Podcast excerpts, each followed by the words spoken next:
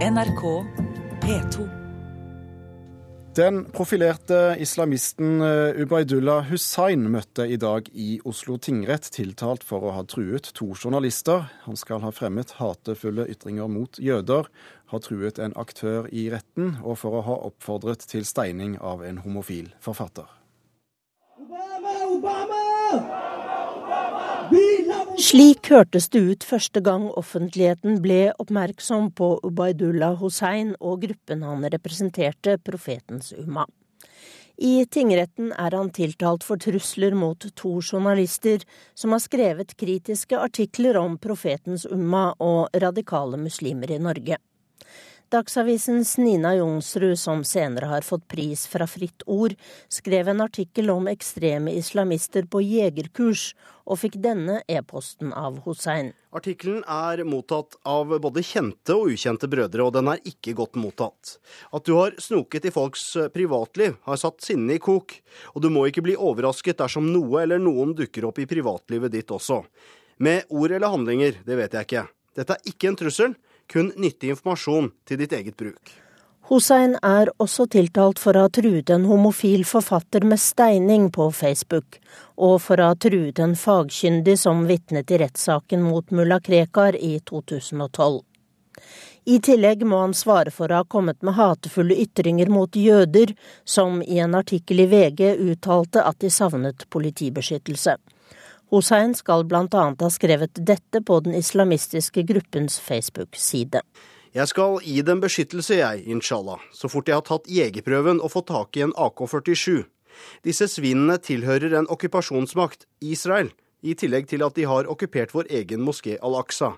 Det er synd at broren som skjøt mot synagogen i 2005 eller 2006, ikke traff noen. Da Hussein inntok vitneboksen i tingretten i dag, forklarte han at han aldri hadde ment å true noen eller skape frykt. Han sa at e-postene ble sendt i sinne og var påvirket av folk han hadde rundt seg. Det samme gjaldt ytringene på Facebook. Hans forsvarer Jon Christian Elden sa at det er flere grunner til at hans klient nekter straffskyld på alle fem punkter.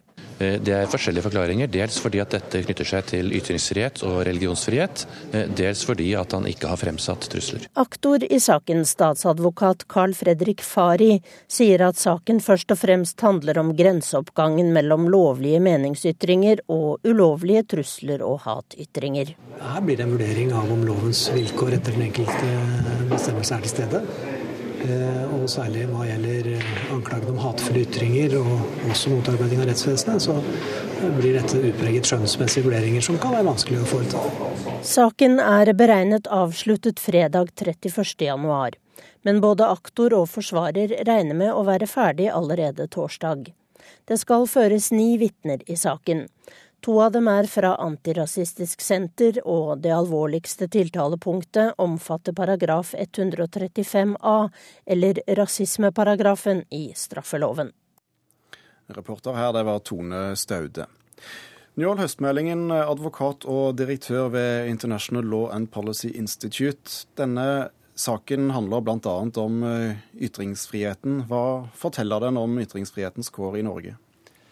Eh, vi vet jo ikke så mye om det ennå før dommen har falt, men det vil være en ganske viktig dom fremover, som setter rammer for nettopp det aktor sa. Hvor skal grensen gå mellom lovlige meningsytringer og det som da glir over mot uh, hat og trusler?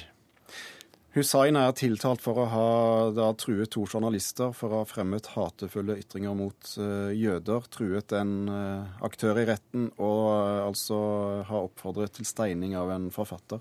Er det noe av dette som er mer eller mindre alvorlig?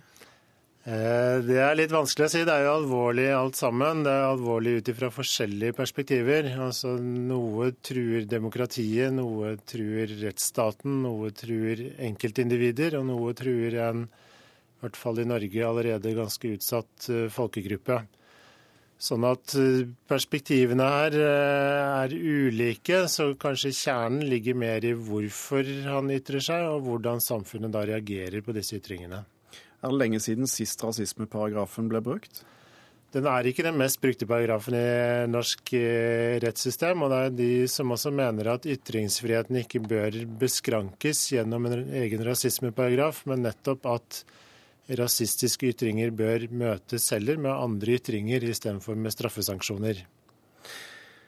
Er det noen forskjell på å ytre seg i eh, e-poster og på sosiale medier og, og ellers i tilværelsen? De ytringene, så lenge de tenker det i en voldssammenheng, den trusselsammenhengen, så vil hvordan du ytrer det, hvor du ytrer det, hvor mange som nås, hvilken troverdighet du har som ytrer, altså hvor sannsynlig er det at du kommer til å gjennomføre, eller at andre kommer til å gjennomføre de truslene som står der, det vil være momenter i vurderingen. Eh, det som er Fremveksten av de sosiale mediene har gitt ytringsfriheten mer fart, men også nye grenseganger. Hvor, hvor, er det vi trekker grensene? Hvor er det privat innenfor de sosiale mediene? Hvor er det beregnet på en offentlighet? Eller hvor er det beregnet på nå den som er kanskje den egentlige mottakeren av ytringene? Så den dommen som nå faller, vil måtte ta stilling også til det. Forsvareren her sier dette også handler om eh, religionsfrihet for den tiltalte. Er det OK da med ytringer som noen oppfatter som blasfemi? Ja, ytringer som er blasfemiske er helt OK. De beskyttes av ytringsfriheten, og de beskyttes jo egentlig også av religionsfriheten. Sånn at, men jeg vet ikke om det er det Elden på en måte trekker seg inn mot her nå. For du kan jo tenke deg de reaksjonene fra det samme miljøet som eh, tiltalte her representerer overfor blasfemiske ytringer som da rammer hans egen religion. Sånn at Blasfemidiskusjonen blir en litt annen, men det er den samme fundamentet. Hva skal du i det norske samfunnet få lov å ytre deg, og hvordan skal samfunnet imøtegå ytringer som man da egentlig ikke ønsker seg ytret? Takk skal du ha for den orienteringen, eh, Njål Høstmeldingen, direktør ved International Law and Policy Institute. Hør flere podkaster på nrk.no podkast.